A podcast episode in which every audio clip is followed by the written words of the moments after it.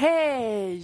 Hallå! Välkomna till Dilan och Moa. Podcast. Det är en podcast. Det är ett ljudmedium. Ett ljudmedium. Där vi pratar. Snackeli-snickar. Det är det enda vi gör. Det kommer inget annat. Nej, nej, nej, nej, nej. Det blir aldrig bättre än så här. Inga roliga ljudklipp. Nej. Inga liksom eh, välgrundade... Anna, jag får inte ens säga ordet. Ja, tänkte du ordet. säga välgrundade analyser? Ja, det tänkte jag. Ja. Men jag tar avstånd från det. Ja, du har ju varit inne nu, Dilan Apak. Ja. Du har varit inne i många viktiga samtal Ja. i poddmed, i ljudmedier. Fy fan. Och du har uttryckt stor avsky Ja. inför det här. Mot mig själv. Mot dig själv, ja. Precis. Jag har, absolut.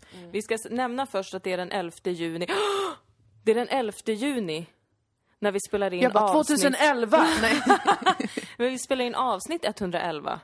Den 11 juni. 1, 1, 1, 1, 1, 1, 1, 1, 1, 1, 1.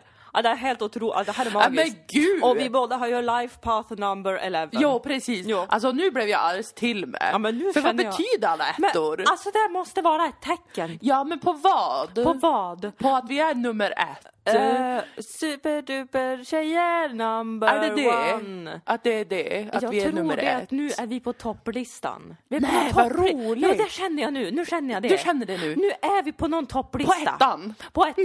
Nej. Vi sändes på kanal 1. Fler Klockan- de är överallt. 22 tänkte jag säga, men det var aldrig klockan 22 som Sodom sändes på SVT1, utan det var alltid typ 21.55. Så att jag alltid Kritik. missade lite av början. Vad sorgligt. Ja, Låt oss otroligt analysera det. Nej!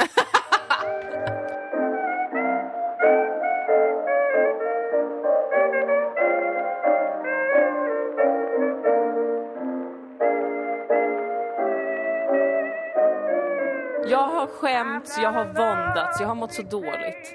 I både Dilan och Moa podcast och Söndagsakuten var jag förra veckan en viktig Petter.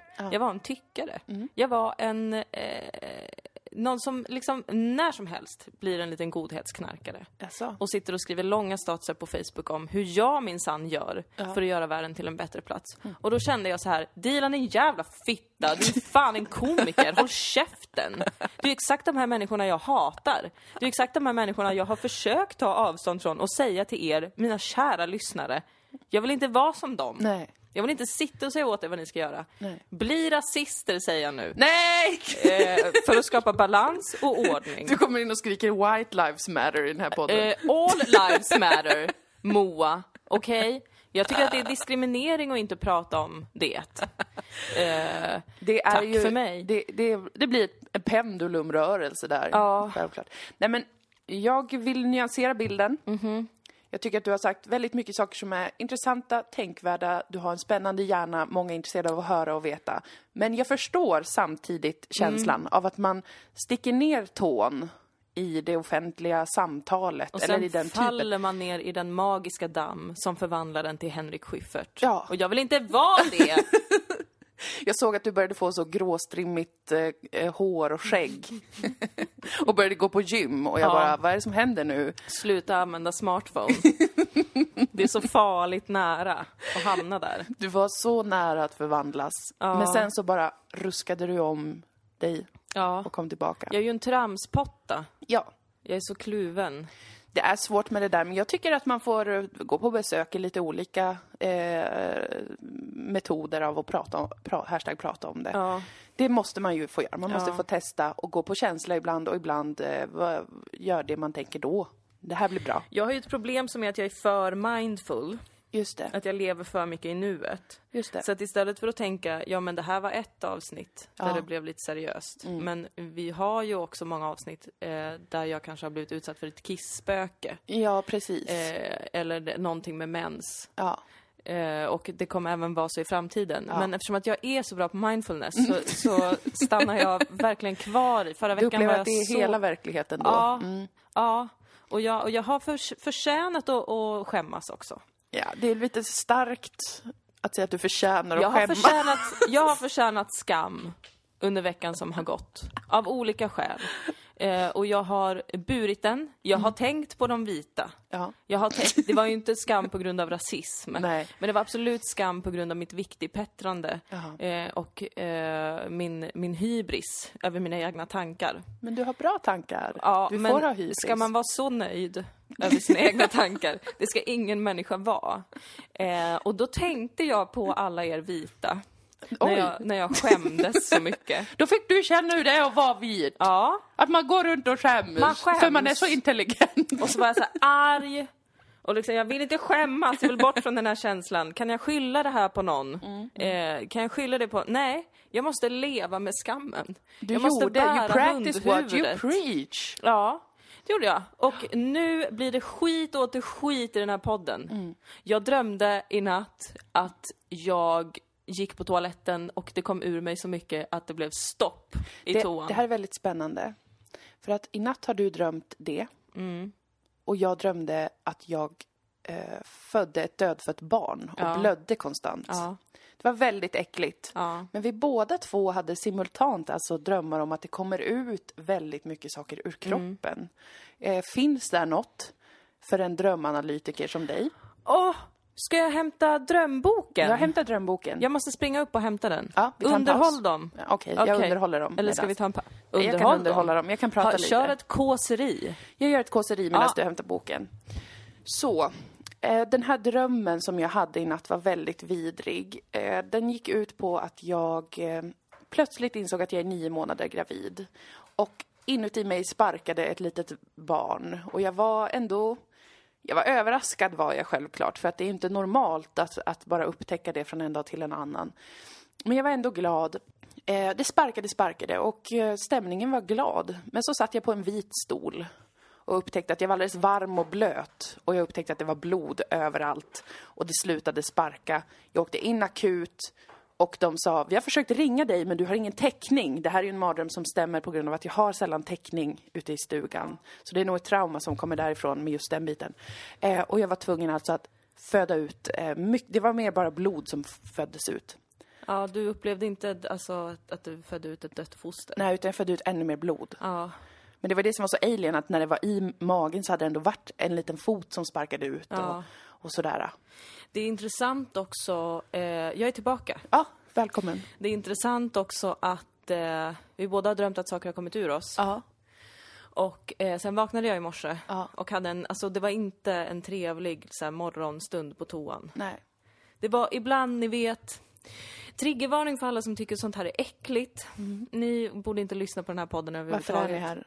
Varför är ni här? Men ni vet ibland, eh, både när man eh, gör K-ordet och B-ordet, Knullar och bajsar. eh, faktiskt också knullar. Men jag tänkte på kissar Mm. Ja. och bajsar, Ja. men även knullar. Att man ibland, eh, när man torkar sig, Mm. gud vad jag verkligen måste, alltså, jag, jag, jag går verkligen till extremerna. Ja. Antingen är jag så torr, eller så är jag så här överdrivet gränslös. Ja, Du vet, så att man känner så här, men varför måste du prata om ditt bajs? Alltså, ingen vill höra. Men i alla fall. Ni vet ibland då när man torkar sig, att man är så här, hur hamnade det där? Ehm, mm. Alltså hur, hur hamnade skiten så långt? Ja, okej. Mm. Ja, du har aldrig varit med om Nej. det? Nej. Okej, vad Så långt? Jag, kanske så jag här, inte förstår bilden. Man, man kanske torkar, alltså du kanske får Alltså, klippa bort det här ryggen. sen för att det blir för äckligt. Men man torkar sig ju i hålen. Ja. Men att det också är så här, oj jag måste också torka mig lite på skinkan. Jaha. Ja, men du menar så? Ja, jag menar ja, så. Ja. Nej, men ja. Det hände mig i morse. Det hände dig i morse. Och sen, vilket jag tänkte på då var lite lustigt Ja. eftersom att jag hade drömt den så himla... Ja, då visste kanske din kropp att något var på gång och Ja. skulle ut. Och så fick jag min mens. Oj, det var flera saker som skulle ut. Och Ja. jag ska ju få, få mens också nu idag. Här sitter vi och har mensvärk båda två. Ja, ta, tagit fram en buffé av Ipren och Alvedon Ja. och vatten Ja. för hydration under den här svåra tiden. Vet du, jag ska inte klippa bort det här, vet du varför? Nej. För att folk måste förstå att såna eh, härliga kvinnor som vi som syns på TV, Ja. vi har också riktigt vidriga kroppar som alla andra. Ja, vi alla har det. Jag tänkte också på det nu när jag sprang upp och hämtade drömboken. Ja. Sprang jag förbi eh, min spegel, Ja. såg mig själv, blev bedrövad.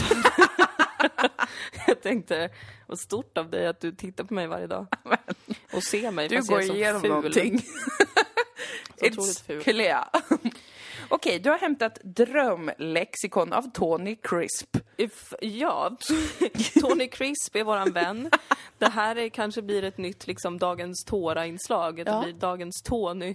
Crisp. Dagens Tony Crisp. Ehm, förlossning... Förlossning finns inte. Och här känner jag Nej. så här. Ja. Patriarkatets fula ansikte visar sig igen. Det här är Ja. alltså en drömbok skriven av en man. Jag kan bara utgå från att han är vit. Ja. Han har aldrig någonsin varit med om en förlossning. Nej, han har aldrig upplevt det och han därför är in- ointresserad av det. Men alltså, är det inte det jättekonstigt att förlossning inte finns med eh, Jo, för att det i är drömbok? jättevanligt att drömma om olika typer av att man är gra- gravid eller får barn. Alltså an- kanske mest för biologiska kvinnor då att det är... Har jag berättat om när jag drömde att min mamma var gravid Nej. och jag skulle hjälpa henne att föda tillsammans med min morfar som är död? Oj. Och Messy så situation. Verkligen Messi, för att han var också ganska religiös. Så Ja. att jag var lite så här, ska du Ska verkligen du titta på ditt barns underliv nu? För det känns inte klassiskt en gammal muslimsk man menar jag bara att vara dola. Det känns inte, Nej. det känns Nej. spontant verkligen inte som Det, var, det, skulle kanske är mina fördomar och vi kan analysera dem Kanske vidare. mina fördomar också. Alltså gud, gud, gud vet hur lite jag vet. Men finns det om graviditet och sånt där då? Ja, jag ska kolla det här. ehm, jo, men jag skulle hjälpa henne och då, då, då liksom masserade jag hennes mage då. Att man ska, det visste jag i drömmen, att man ska Ja, massera gravidmagen när förlossningen börjar.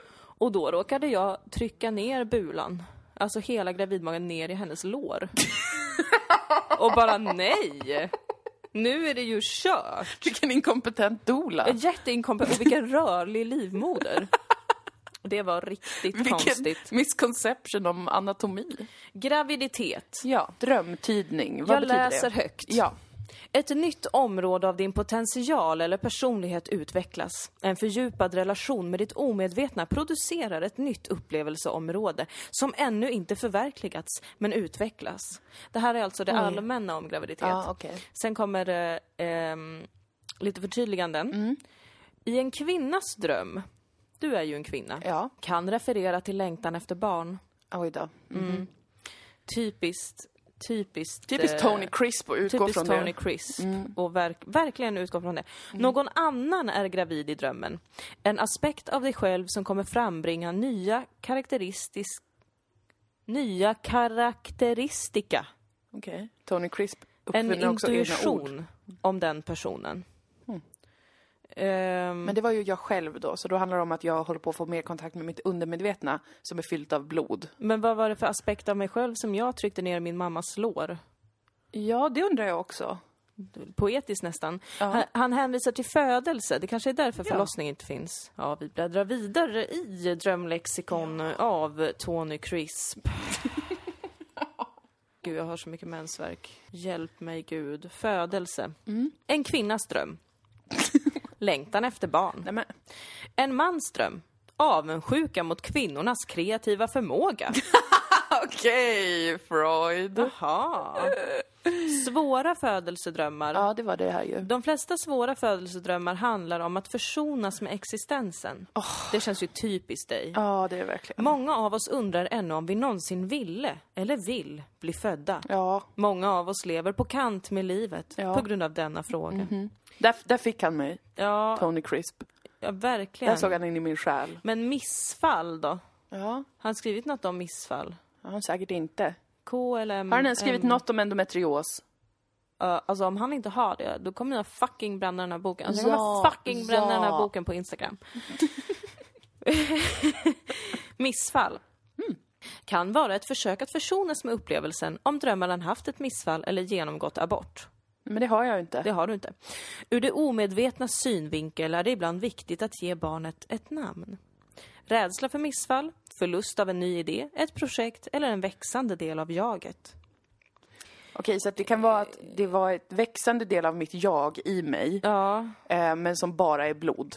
Jag återkommer mycket till det, men det är min analys Ja, av men det. också att det, rädsla för missfall. Jag tänker, du ju, har ju en liten fix idé av att du är infertil. det, det har jag ju. Jag har ju aldrig försökt bli på smällen, men Nej. jag är ändå ganska säker på att jag kan vara infertil. Jag vet heller inte om det här är ett varsel om att det finns någon ny idé som, som kommer dö. Det är ju att jag ska börja på en, en skola, en distansutbildning. Eh, det skulle kunna vara den. Aha. Den är jag ju lite oroad för, för att jag inte gillar egentligen att vara bland folk. Nu kommer det vara på distans, men jag ska ändå träffa människor och, och jag är lite... Jag, jag tycker det verkar superroligt, det är en manusförfattarutbildning. Och det verkar jättekul liksom att lära sig mer. Men jag är ändå rädd att det bara ska vara blod alltså. Ja, just det. Om man går väldigt bokstavligt på drömmen, skulle det kunna vara det. Absolut. Att det sparkar inom mig, men sen så kommer det ut bara som eh, skitigt blod. Men då är det ju ur det omedvetna synvinkel eh, ibland viktigt att ge det här barnet ett namn. Alma manusförfattarutbildning. Ja. Du blödde ur dig, Alma. Ja, jag gjorde det, Alma. Eh, är jag rädd för. Ja. Ja. Eh, Det var jättespännande detta. Det var otroligt spännande. Jag tycker också att du har genomgått en evolution Jaså? när det kommer till drömmar. För du var ju väldigt länge så här, ja, det finns inget tråkigare än att höra folk prata om sina drömmar. Ja, jag var en vanlis på det sättet. Ja. Mm. Men nu tycker jag, upplever jag att vi pratar om drömmar eh, relativt ofta ändå. Ja. Jag har blivit mer intresserad av drömmar på senare år. Särskilt som jag märkte att de förändras eh, ständigt. Eh, och även i eh, nivå med hur mycket ångest jag har överlag. Med mycket ångest och mycket rädd så drömmer jag mycket, mycket mörkare mardrömmar. Är jag glad och lättsam inombords, då drömmer jag trevliga drömmar. Ja, Men vad är symboliken i dem? just det. Det är det man inte alltid vet och det är därför det är bra att Tony Crisp finns som kan hjälpa en på, på traven. Då. Ja, och även tåran kan man ju faktiskt nämna här i det gamla testamentet. Det var väl eh, någon som hette Josef, om jag inte minns helt sinnessjukt fel, som faktiskt blev drömtydare åt en faraon. Oj, Ja, kul jobb ändå. Ganska kul jobb. Det var jävla slitigt för honom alltså. Det var väldigt mycket så här... Eh, han liksom, han tjafsade med sin bror. Det var någon så här broderskonkurrens och så skulle han lämna stan och det var mycket så här... Hej, jag kommer till din by, jag kan hjälpa dig. Får jag gifta mig med din dotter då? Ja, men hjälp mig i sju år. Okej. Så har det gått sju år. Ja, Ja, nu så ska du göra det här i sju år till, Nej, så men får du det här. Alltså, det är ju jättelång här- tid. Men det, de blev ju så gamla i Toran. Ja, just det. De blev ju typ 160 000 år och hade 17 fruar och 18 karriärer. Ja, en annan... Det var en annan tid. Ja, det var en annan tid. Men det är spännande med, med drömmar. Eller egentligen tycker jag inte alls att det är spännande med drömmar.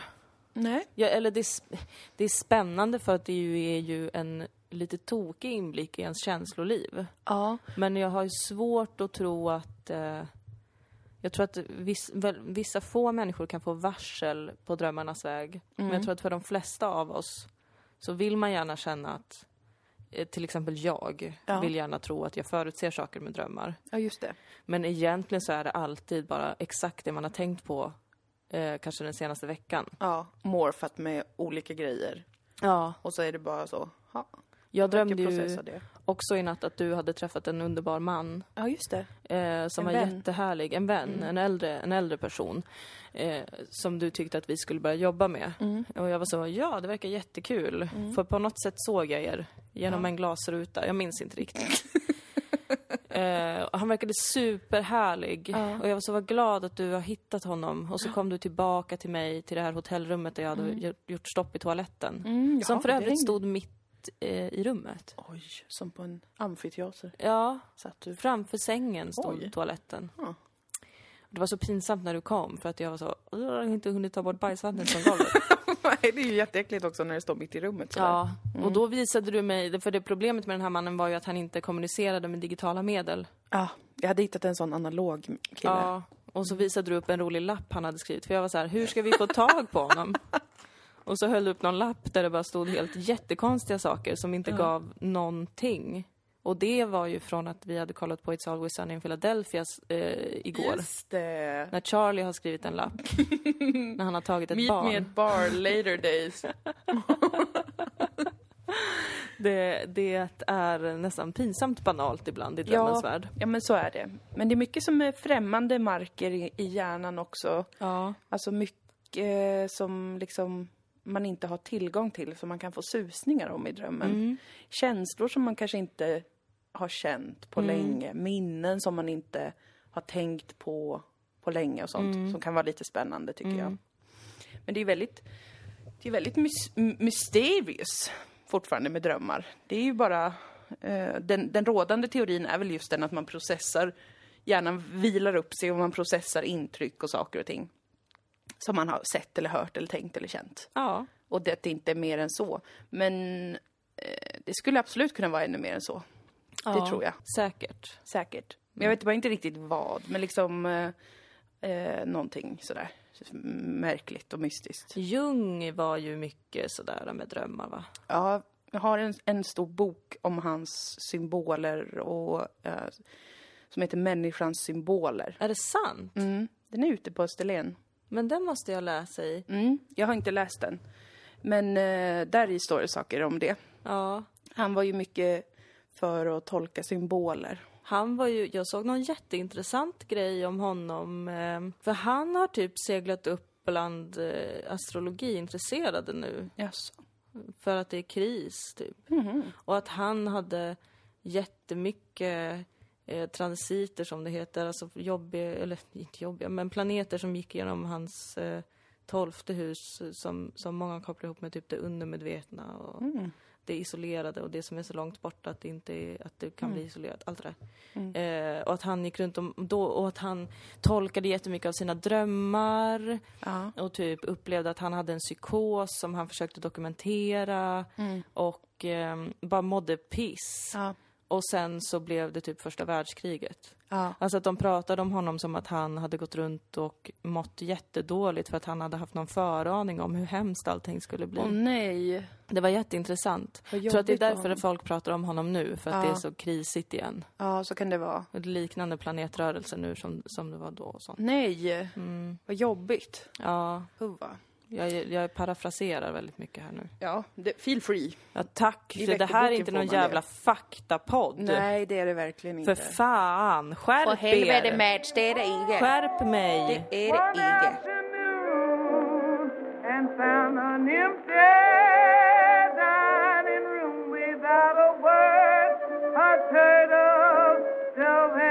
Annars då? Annars då? Ja du, jag tycker att det är lite svårt med planering. Ehm, I och med corona. Mm. Nu finns det väl en ändå lite hoppfull känsla i mig att det verkar kunna gå neråt och kanske om allt går väl inte bli en till våg av mayhem. Mm. Och att det kan lugna sig. Man får fortfarande vara mycket försiktig och restriktiv och sånt här men, men att det, det inte är det här akuta Mm. som det var för en månad sedan. Eller när det nu var, när det började pika och det var, kändes helt utom kontroll. Eh, det är fortfarande mycket som vi inte vet och mycket som är väldigt obehagligt med det här viruset och, och sådär. Men jag börjar ändå få lite en känsla att kanske kan vi, kanske kan vi komma ut på andra sidan. Mm. Kanske kan det komma ett vaccin eh, så att vi kan skydda dem i riskzonen. Kan göra, stoppa det. Mm. Så att det har jag tänkt och känt så här, hoppas, hoppas ändå. Men jag har fått väldigt svårt att planera framåt. Och det upplever jag att många i min närhet känner samma med. Just för att det är rent praktiskt är det ju så. Typ man vet inte, kan man träffas? Kan man... Eh, hur ska man vara med de som är i riskgrupp? Får man bara träffas ut? Alltså det blir mycket Ja. mer logistik. Om man tänker att det redan är lite mäckigt att planera till exempel då sommar för att hinna träffa familj och vänner. Och sen nu har det här tillkommit med att man också måste se till så man inte råkar döda någon på Precis. kuppen. Så har det ju blivit en enorm ansträngning och eh, jag har en viss tendens att bli fixerad när jag inte kan lösa en situation. Det här vet ju du om mig. jag har lite Mm. Ja. svårt att släppa och bara så här, Ja, men vi får det är väl helt se. omöjligt för dig. Ja, är jag galen. Ja, det är du. är Psykiskt sjuk. Jag är helt jävla Ja. tappad bakom en vagn som man säger. Men så att därför så har, går mycket av min tid åt att i mitt stilla sinne hela tiden tänka på vad jag ska göra och hur Ja. och när och med vilka eh, och vad som blir bra och vad som funkar. Och så här brukar det bli ganska ofta för mig, att jag inte kan släppa saker även om jag inte riktigt har kontroll över. För just nu har jag ju inte det. Ingen har ju riktigt det. Man måste ju ta det lite så här äh, steg för steg. Med, med att träffas i familjen till exempel. Jag har ju en stor familj. Jag har tre systrar, jag har massa syskonbarn och så har vi våra föräldrar som är i 70-årsåldern. Så jag vet ju inte vad som blir bäst. Ingen kan veta riktigt exakt hur vi ska göra Nej. för att minimera risker. Men jag kan inte sluta tänka på det. Och det här, jag går ju i terapi. Så då får jag ju lära mig mycket. Va? Va? Is it true? Och då får jag lära mig mycket om såna här saker. Om eh, kontroll. Och om att det är ofta en distraktion från sig själv. Alltså att tänka på väldigt praktiska lösningar. Själv så här. Jag, det är inte som att jag sitter och brainstormar med andra i min familj eller sådär. Nej. Jag tänker på det själv hela tiden. Ehm, och försöker få en överblick. Jag har också den här, den här stressen kring att jag ska börja en, en eh, distansutbildning. Jag försöker se framför mig exakt hur det ska bli. Exakt hur du och jag ska kunna jobba parallellt med jag ska plugga. Men det är väldigt svårt ju att Mm. komma på det själv, eller lösa det själv. Det går ju nästan inte. Nej. För det är lite så här, man får vänta och se och man får hjälpas åt och se vad blir bäst. Vad, det är gemensamma beslut. Och det här är i ditt vakna tillstånd? Det här är mitt vakna Och på natten tillstånd. drömmer du att du får Det ett missfall? blod. Ja, eh, precis. Allt ju- hänger ihop. Allt hänger ihop. Men då sa min psykolog det, att kontroll kan man förstå som en form av distraktion från någonting annat. Som man egentligen behöver kanske få lite hjälp med eller lägga lite tid på. Men det är väldigt lätt att fixera sig vid det man tänker sig att man kan kontrollera. Och på så vis inte tänka på det som man kanske eh, egentligen känner sig orolig för eller rädd för. Det är väl därför folk blir så väldigt praktiska när någon dör. Ja, just det. Precis. Det är ju ett sånt, ett väldigt extremt fall när man förlorar någon. Ja. Och ingen vet vad fan som händer och hur vi kan vara vid liv och hur vi kan dö och hur allt kan ta slut och att det kommer till Alltså det är ju verkligen kontrollförlust. Gud ja. Så försöker man hämta upp kontroll med att bara "Eh, de här pengarna och det ska fördelas och det här är- Begravningen och gravsättningen och ceremoni och... Det är säkert lite samma. Jag tror det. Det är skönt att, ehm, det är skönt att ägna sig åt, åt det praktiska. Ja. Och eh, detta har jag tänkt på mycket också även den här våren för att jag har ju stegvis upptäckt, även i vår relation, att jag eh, ehm, blir väldigt lösningsorienterad och väldigt praktisk eh, på gränsen till liksom otrevlig. när, jag inte, när jag inte känner mig riktigt säker och känner mig lite liksom ensamt ansvarig. Obs, det är bara jag själv som hittar på att jag skulle vara ensamt ansvarig för att styra upp saker. Men i den hjärnan som jag befinner mig i Ja. så agerar jag utifrån att jag själv skulle vara ansvarig över att kontrollera en situation, skapa en bättre situation, få bort det som är obehagligt och sen kommer det vara bra och under kontroll. Och det är ingenting som jag har identifierat mig som innan, Nej. en sån person, eller ett sånt drag. Jag tänkte att jag är mycket mer eh, bohemisk, eller free flowing och lite skön. Det har varit min självbild. Det där har ju vi ehm, pratat jättemycket om eh, med anledning av vår relationskris som vi har hintat om. Ja, just det, men aldrig berättat om. Aldrig berättat om. Såna teases. Men det har vi verkligen diskuterat och fördjupat oss i. Ja. Vad händer där egentligen? Ja, det är en intressant sak att börja få syn på. Särskilt då om man som jag inte identifierar sig som en person som är särskilt eh, uppstyrd eller kontrollerad. För jag upplever ju mig själv som mycket mer eh, slarvig och impulsiv på vissa sätt och lite så här eh, slapp med vissa grejer. Men lite sådär, det, det stämmer mer in på hur jag ser mig själv. Eller hur jag känner. Och det stämmer väl kanske mer in på eh, ditt praktiska jag, skulle jag säga. Mm. Alltså, du är ju absolut eh, slarvig och impulsiv på vissa sätt. Gud, det låter så hårt att säga att någon är slarvig och impulsiv. Jag, tycker Mm. jag tar inte att tillbaka det är... de orden. Ja. Eller vi tar tillbaka Ja, dem. Spontan, Spontan och eh, sexig. sexig Ja. är ju du, typ om du ska sätta upp en tavla kanske. Ja, hamra rakt in i väggen. Eller eh, köpa något. Köper det direkt. Ja, lite så här, vad fan? Ja. Det kan väl inte? Nu Jag har ju vi. tankemodellen att man ska tänka att man har blivit rånad. Om man har rå- råkat lägga pengar på något som man sen ångrar. Så jag har aldrig gått tillbaka med någonting. Nej. Eh, för jag tycker det är för jobbigt. Ja. Eh, så då tänker jag istället, jag blev rånad när jag var ute och gick på 500 kronor. Ja. Vad ska jag göra åt det? Man kan aldrig ändra på verkligheten, Nej. bara sin attityd till verkligheten. Och det där är verkligen en attitydsförändring. Ja, så att så, att så det tänker jag ju mig själv som, att jag är så jättemycket. Ja, men ditt känslomässiga jag, Mm. är inte alls lika... Det spelar på en annan violin, som Ja. man säger. Det är mer liksom oroligt över att eh, det finns något jag missar. Mm. Det finns något som jag, jag, jag borde kunna ha fixat på förhand. Mm. Men som jag har eventuellt misslyckats med och nu måste fixa. För annars så står saker på spel. Mm-hmm. Och det är ju ett förhållningssätt emotionellt som blir, eh, som ofta leder till att jag tänker jättemycket på saker i mitt eget huvud. Lösningar främst då. Hur ska det här bli bra? Hur ska det inte uppstå igen? Hur ska det bli den bästa semestern? Hur ska det bli den bästa sa- sambolivet?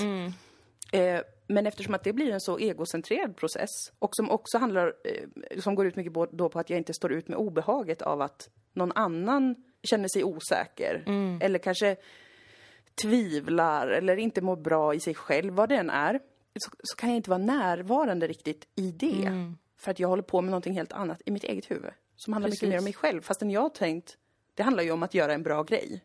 Och vara snäll. Men det är egentligen en egotripp på samma sätt som alla försvarsmekanismer är. En viss typ Ja. av liksom, ego-grej som man gör. Ja. Så detta har kommit upp och blivit aktuellt eh, i mitt liv och även nu då inför semester och inför att planera saker. Och det går väldigt snabbt från att jag börjar tänka på planering till att jag är ganska så stressad och känner att jag är eh, ensamt ansvarig. Vilket ju är väldigt bisarrt med tanke på att jag omger mig med så mycket eh, intelligenta, omvårdande personer som också har för avsikt att ta ansvar och skapa situationer som är bra eller reda upp saker. Så du vet, det är, inte, det är inte att jag verkligen lever liksom i en situation där andra inte bryr sig om sådana här saker, om hur man lever och kan ha det bra och reda ut saker. Det är ju faktiskt inte så. Nej. Det vet jag i huvudet. Men känslomässigt går det väldigt snabbt dit. Att jag tror att jag är själv om att ska fixa saker. Ja, och, eh, och det kanske grundar sig i en, en eh, känsla av eh, att, att de här intelligenta, härliga personerna är så lätta för dig att förlora. Ja, Att om du inte ordnar upp allting så kommer de inte vilja vara kvar med dig. För att du Precis. inte har fixat allting. precis. Alltså jag tänker att det är en mycket- tillitsfråga också. Det är Ja. inte bara en egotripp. Nej, det finns ju alltid fler dimensioner Det är också att man sparkar lite på det där egot och tycker att det inte Mm, i grunden inte förtjänar kanske de här personerna eller situationerna. Precis, att det är villkorat. Mm. Att liksom min existens tillsammans med andra, eh, be that mina närmsta vänner, min familj, det är villkorat av att jag måste fixa grejer. Mm. Jag måste kunna vara oersättlig som den som fixar en jobbig situation eller styr upp någonting som andra tycker är jobbigt. Det är också intressant för jag har tänkt på att det är då jag oftast jobbar som bäst också. När jag upplever, här finns det nu en lucka typ. Eller det här är väldigt svårt. Nu är det här en jobbig grej. Ehm, eller det är mycket som måste fixas. Och ingen verkar riktigt ha pejl på det. Då får jag den, då kan jag få en sån jävla så här hamra ut text eller sitta jätte, jättelänge med någonting helt hypnotiserad av, med drivkraften jag ska fixa det. I'm gonna do it. Och då kommer jag inte vara, eh, då kommer jag liksom cementera min plats i ett projekt, i en relation, i vad det än kan vara, i familjen till och med. Men egentligen så blir du snarare onåbar. Precis, mer distanserad och verkar som att jag är irriterad typ, på, på att ingen annan gör rätt. det blir en osoft eh, svans på det, på det sättet verkligen. Men som du ändå har börjat förstå nu, Ja, vilket ju är fantastiskt. det är faktiskt, det, jag tycker att det är väldigt spännande Eller som det. vi båda förstår ju. Det är ju också viktigt för mig i vår relation att fatta att du inte kanske är trött på mig eller Precis. irriterad utan att nu kanske det är du som behöver lite stöd här. Ja. Och att jag behöver lära mig uttrycka det, eller verbalisera det. Det är ju det som är alltid det svåraste. Det är det som är det svåra, ja. För nu när vi, de svårigheter vi har haft i vår relation, där har ju våra grundrädslor krockat. Utan att någon av oss har förstått att det är den andras grundläggande rädsla som spelar ut sig på, på två olika sätt. Så att när, man, när vi har reagerat på varandras beteenden eller signaler som att det inte handlar om du är orolig nu, så blir det ju en väldigt jobbig stämning av att vad, vad har vi varandra? Kan vi lita på varandra? Eh, vill du i hemlighet något annat? Och den här eh, tysta fixar-planen Ja. som jag håller på med eh, när jag känner mig osäker på vad som händer. Den ger ju en tydlig signal utåt om att så här, suck, vi gör så här och så här, sluta vara så där. Mm. Eh, slut, känn inte så. För att det är så här och jag har fixat detta. Och som vi gör så här så blir det också bra. Så lägg av.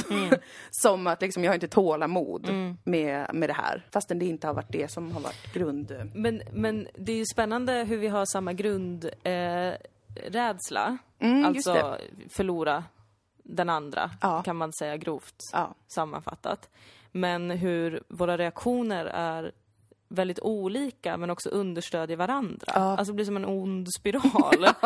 där du liksom blir fixar-Janne som Mm. är känslobefriad eh, och bara vill liksom eh, kanske systematisera och fixa. Och så ska vi inte tänka så mycket på det. Mm. Och jag, eh, min reaktion blir ju att stänga av alla mina känslor och tänka att vi har ingenting, det finns ingenting mellan oss. Eh, jag känner ingenting. Så att jag inte behöver bli ledsen när det här som jag tror ska hända händer. Och blir väldigt passiv. Och också när jag blir eh, stressad eller har mycket ångest så vill jag... Jag blir absolut inte den som blir väldigt praktisk då. Nej.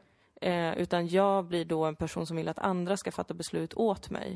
Alltså att jag tappar helt förtroendet för mitt eget omdöme. Och min egen förmåga att själv fixa saker eller så här, ta initiativ.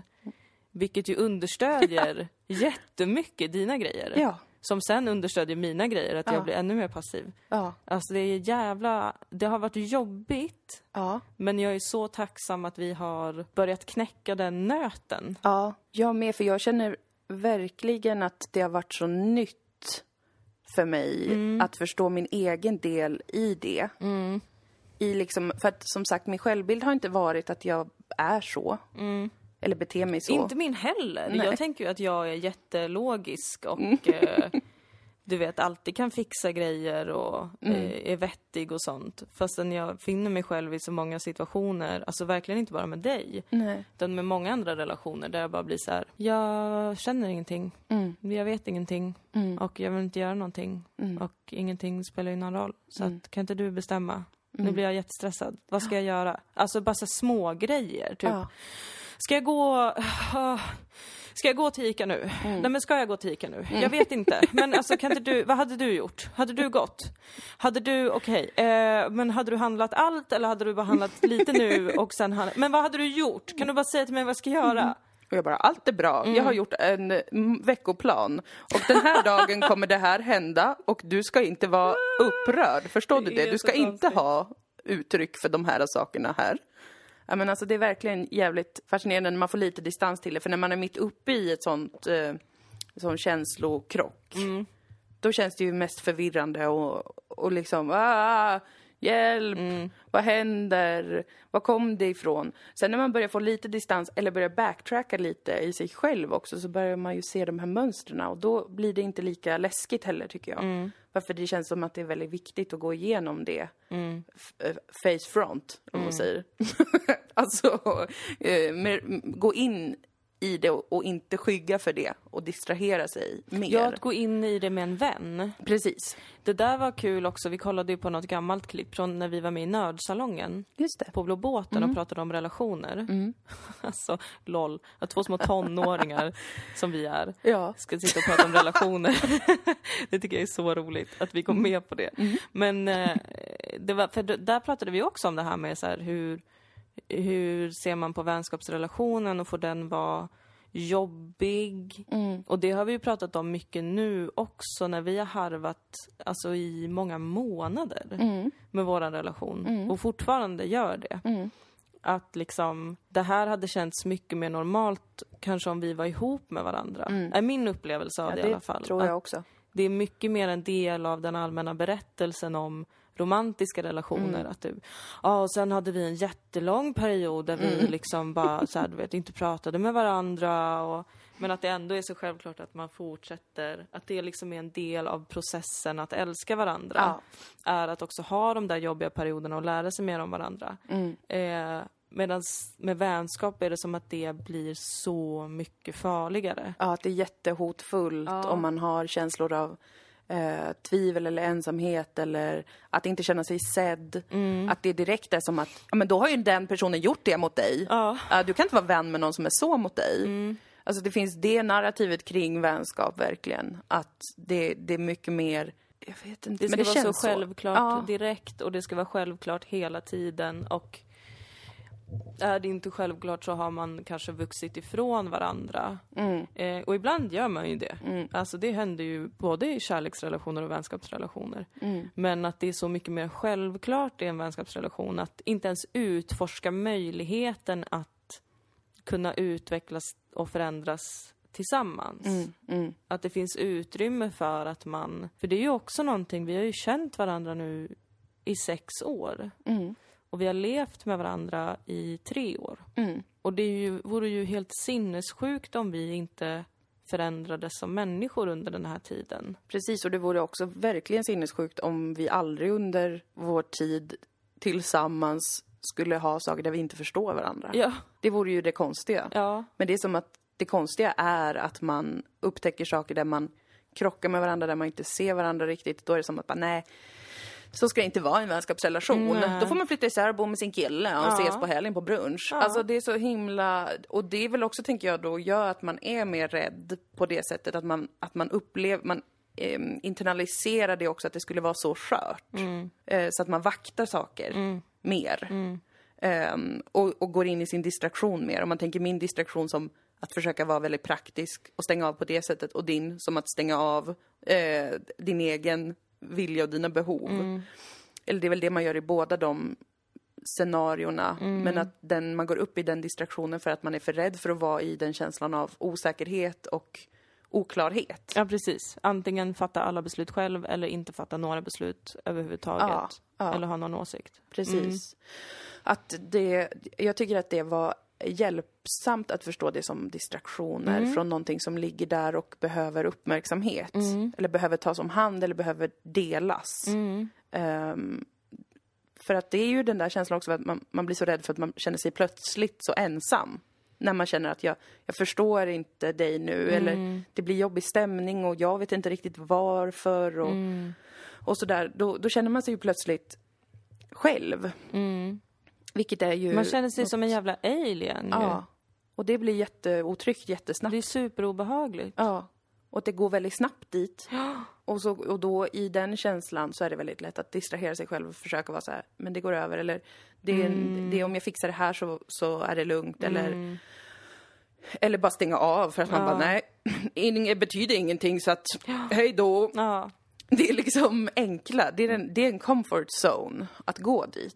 Och att vara obekväm är viktigt för att ta sig vidare. Att vara riktigt sårbar. Ja. Sårbarheten. Ja, den är så viktig, den, Den är, är så det. svår. Ja, den är jättesvår. Mm, Men det är väl mycket spännande tycker jag.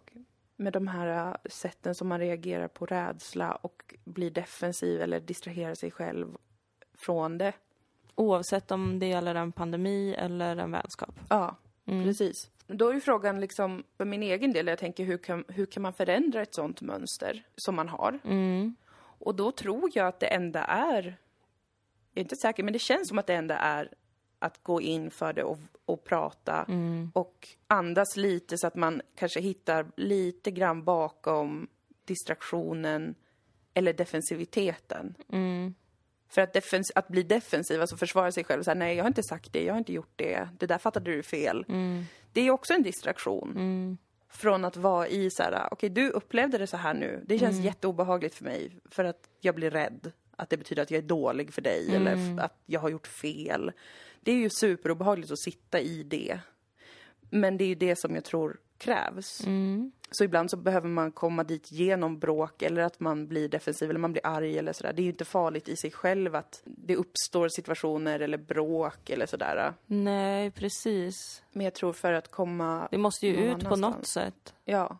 Och det är bättre att det kommer ut överhuvudtaget än att det liksom trycks bort och blir den här, men att det ska gå över typ. Ja, and it takes two to tango. Alltså lika obehagligt som det är att vara den som, som är defensiv eller eh, sur eller inte håller med.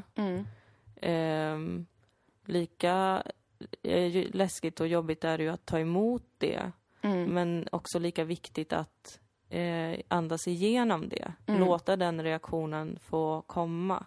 Det blir ju ett problem ifall den reaktionen fortsätter Ja, och inte längre är en reaktion utan ett, en, en metod. ja. Att man identifierar sig som det typ. Och att det skulle vara så här bara, men jag är sån. Jag tål inte kritik. Bara, okej, lugn. Hjälp. Jag tror jag hörde om det var i Esther Perels podcast som är fantastisk, Where should we begin, som är parterapi eh, inspelat. Jag tycker hon är otrolig. Men jag tror att det var hon som nämnde det att i en konflikt mellan två personer så om man går upp i affekt eller blir defensiv då och så försöker försvara sig Ja. så lyssnar man ungefär 20 sekunder på den andra. Och sen resten av tiden så tänker man bara på vad man själv ska säga. Och det, det tror jag stämmer de gånger man blir liksom arg. Eller kränkt. Alltså för det behöver inte betyda att man, alltså arg som i explosivt eh, utåtagerande arg är en sak, men det finns också en ilska som man behåller i sig själv. Och en känsla av kränkthet. Och när den uppstår så är det på samma sätt som när man blir arg utåt. Att den skapar liksom det här mönstret av att vad du än säger nu, jag lyssnar typ 20 sekunder. Sen har jag redan, vart är jag inne i mig själv. Och tänker på sätt som jag kommer få upprätta mig själv. Eller få rätt berättelse här, rätt narrativ på det här som händer. Ja, det där har jag jätteproblem med i vissa relationer, vet jag. Och särskilt utifrån en så här fix idé av vad den andra personens bild av mig måste vara. Att jag är så uppe i den. Att, och jag är jättebesvärad av det. Jag tycker det är så himla svårt. Ja. Alltså, för att jag försöker verkligen tänka på det, men jag känner att jag kommer inte runt det. Att liksom, hur släpper jag den här bilden av mig själv som jag utgår från att den här personen har? För jag vet vad den... Alltså det är så sjukt att liksom kunna vara i ett samtal till exempel Ja. och ändå lite se sig själv utifrån och vara så här, jag vet ju att jag, att jag inte lyssnar ordentligt på vad den här personen säger. Och jag vet hur mycket jag läser in i vad den här personen säger till mig. Ja. För att jag tänker att den har en så fixerad bild av mig. Just det. Hur fan går man runt det? Ja, det ska jag utforska i mitt Det är mycket intressant. För att med risk för att låta tjatig så är ju det också en distraktion. Och ett sätt att koppla ur sig själv ur situationen. Alltså ett sätt att skygga från de verkliga känslorna av att det, det kanske känns ledsamt egentligen. Att tänka sig att en annan person tolkar en väldigt hårt eller vad det nu kan vara, läser den så, ser den så. Det kanske egentligen är en känsla av liksom att det är sorgset för en. Att, att härbärgera den idén om att andra ofta eller alltid i en konflikt läser en så eller hör en så. Eh, Men eh, det är ju obehagligt att känna att det är lite, att det är vemodigt. Att man önskar något annat, att man vill något annat. Och då är det lite, då är det lättare att, att, att se det utifrån det som då är ens, eh, en, en distraktion där man är själv. För det är ju, det är ju samma mönster Ja på det visst, då sättet. blir man ensam igen ja. Mm. Men det är väldigt svårt för när man väl går upp i affekt och, och sådär, då är det så lite man kan göra för att då sätter det liksom system och mönster igång som man inte har, eller det är väldigt svårt i alla fall att bryta det där och då. Så det är ju det att försöka backtracka, vad hände? Det, det eh, gör också min psykolog som jag tycker är bra, att hon ofta frågar hur var den dagen innan det här uppstod? Hur var veckan innan det uppstod? Och då har jag, då har jag alltid reagerat när hon frågar sånt. Jag bara, uh, you crazy girl. För att jag typ, vad spelar det för roll? Din tokkärring. Men jag förstår ju att det är ju viktigt att sätta in det i ett lite större perspektiv också för att se, okej men den där reaktionen jag hade i den där situationen, den kanske också förangicks av att jag den dagen hade hört det där, varit med om det där, samlat på, byggt upp en känsla av att vara liksom konstig eller ensam eller eh, utsatt på något sätt för saker som jag, ja men du vet, det kan vara jättemånga små saker som också bunkrar upp så att det spelar ut sig i konflikten eller i mm, samtalet man har. Och att börja förstå det så att man kan sätta bättre gränser för sig själv har hon pratat om som en, en slags metod för att bryta vissa mönster där man känner att man just checkar ut sådär. På olika sätt. Och inte kan få det man behöver. Typ någon Ja, det är som... verkligen att ja. checka ut. Ja, man bara hej då. Alltså jag kan känna det så tydligt ibland. Att jag bara underkastar mig mina egna demoner. Typ. Ja. Bara, Nu, nu går vi ut härifrån. Ja. Hej då! Och så är man bara satans avkomma. Ja. och känner sig bara frånkopplad. Ja. Usch, ja, det är verkligen en tydlig känsla det där när, när man vet någonstans att nu checkade jag ut ur det här. Mm. Man är väldigt bestämd så. Ja.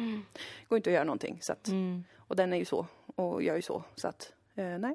Nej, det är ju kört. Ja, kul. Hej då. Hej då! Och sen lilla Moa och lilla Dilan Ja. sitter där inne och säger men snälla Gråter. hallå gråter gör De jag. sitter och gråter. Ja och känner det är Ja, det jättejobbigt är ingen alltså. som hör dig. Nej det är inte någon som hör det, de hör bara den sura tjejen. Ja, det gör de. Så man måste vara trevlig som tjej. Ja, det det är det jag man. vill säga. Alltså steg nummer ett. Ja. Le. Le alltid. Även om du pratar telefon. Ja, ja, ja, ja. Det hörs. Det hörs genom telefonen Ja. va? Ja, och om du bråkar, Ja. Se till att vara lite söt när du ändå är där. Ja, du vill inte vara en sån som, om du vet att du är ful när du gråter. Ja, gör det inte. Då får bara lilla Dilan eller lilla Moa gråta. Ja, som inte syns, för Ja, hon har inte heller syns. något smink. Om du har en lite gäll, för det har kvinnor ofta. Ja, ja. Så lite gäll röst som är lite Ja, ja, ja, jobbig att lite lyssna jobbig på. alltså. Ja, det håller jag med. Skrik inte då. Nej. Prata lite mer så här. Sensuell. Ja. Ja. Ja, och det är alltså Anita och Maritas podcast som du lyssnar på. Och vi, Välkomna. ja, vi ger, ger relationsråd. Ja, det gör vi. I'm like a little lost sheep and I can't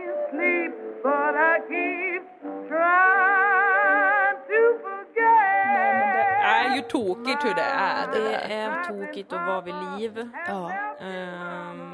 Jag precis som din det. dröm Ja. gav uttryck för. Att existensen är ja, men den är jävla weird alltså. jättekonstig. Hälsningar mitt undermedvetna. Jag ska kolla om det står om bajs. Ja, det borde det göra. Vad hette han nu igen? Crisp? Tony Crisp. Tony Crisp. Oh, så är det säkert så här. Se avföring. Ja, han lär ju ha kallat det avföring. Han är något av ett Pareto. Ja, jag tror faktiskt det. Förlåt, skulle du säga någonting mer där innan jag började dyka in i drömboken?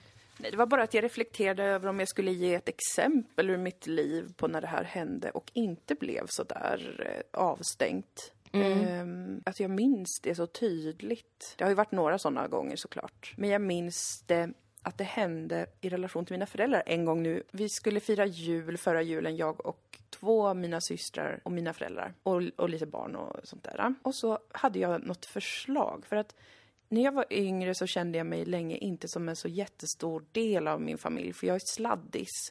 Så att jag hängde ofta på, tog inte så mycket beslut, men jag hade redan då de här fixar-grejerna för att vara med.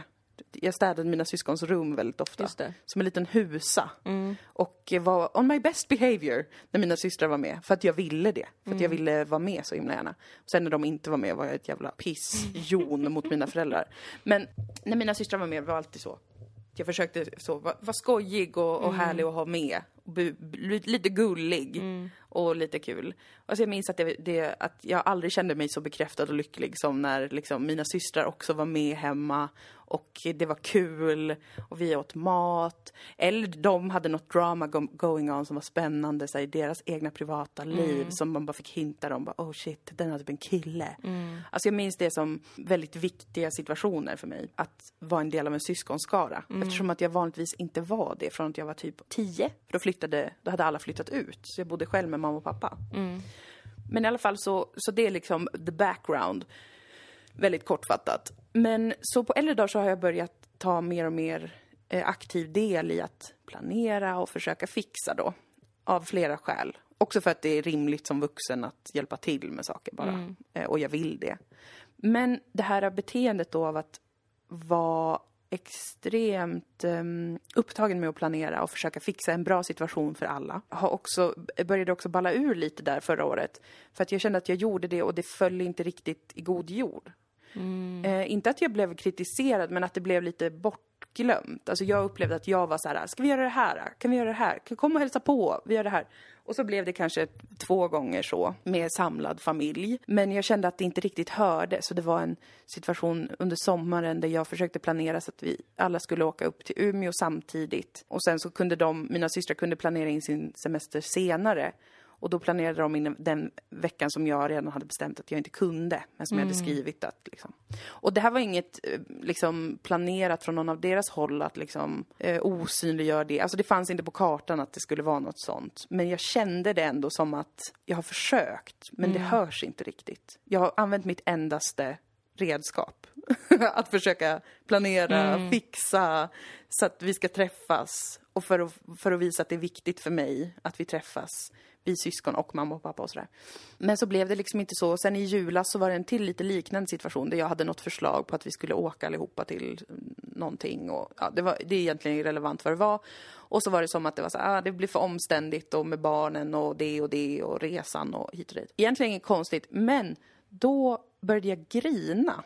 Eh, och det här var väldigt obekvämt för mig. Jag, brukar aldrig, jag har inte grinat inför mina föräldrar sedan jag var 15 kanske och då grät av ilska. Alltså sån skrik-ilska. Mm. Jag tänker flytta härifrån! Mm. Skrikgråter. Alltså jag har aldrig liksom gråtit av eh, en känsla av eh, att det är jobbigt inför mina föräldrar. Men då var det som att det bara var något som knäckte till eh, i den där situationen när det var sådär, ja men vi kan nog inte göra så ändå, som mitt förslag hade varit. Och jag bara började grina som en liten barnrumpa. Och alla var så här, oh, oh okej, okay, that's weird. Eller mamma och pappa var så här, eh, vad händer nu? Och jag bara, "Eh, det känns som att jag försöker fixa grejer men det går aldrig och det, det, det räcker liksom inte och ingen är lika intresserad av att göra det som jag är och, och sådär. Så bara eh, östes det ur och då steppade mina föräldrar upp skitbra. Alltså de var så här, lyssnade och var lugna. Och så här, men, mm, förstår att det känns så. Det, är inte det har nog aldrig varit tanken från någons håll, men det har nog inte riktigt hörts. Eller vi har inte riktigt förstått det, för att jag har aldrig sagt det explicit. Det är jätteviktigt för mig att få vara med er Får vara en allihopa. drivande del. Precis, det är viktigt för mig att det, nej, aldrig sagt det. Utan bara försökt liksom fixa då i tystnad. Ja.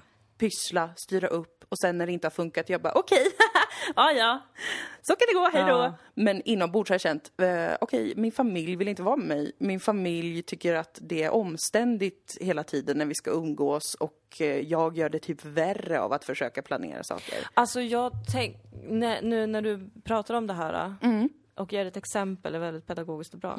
Jag tror att väldigt många eh, gör så här. Det tror jag också. Alltså verkligen inte vet hur man ska, eh, och kanske inte ens själv har fattat vilka känslor det rör sig om. Nej. Att så här, inte känna sig som en del kanske av sin familj eller känna sig sedd eller vad som helst. Och verkligen då går till de här praktiska bitarna. Men de löser ju ingenting, eller de, de praktiska bitarna ger ju inte något.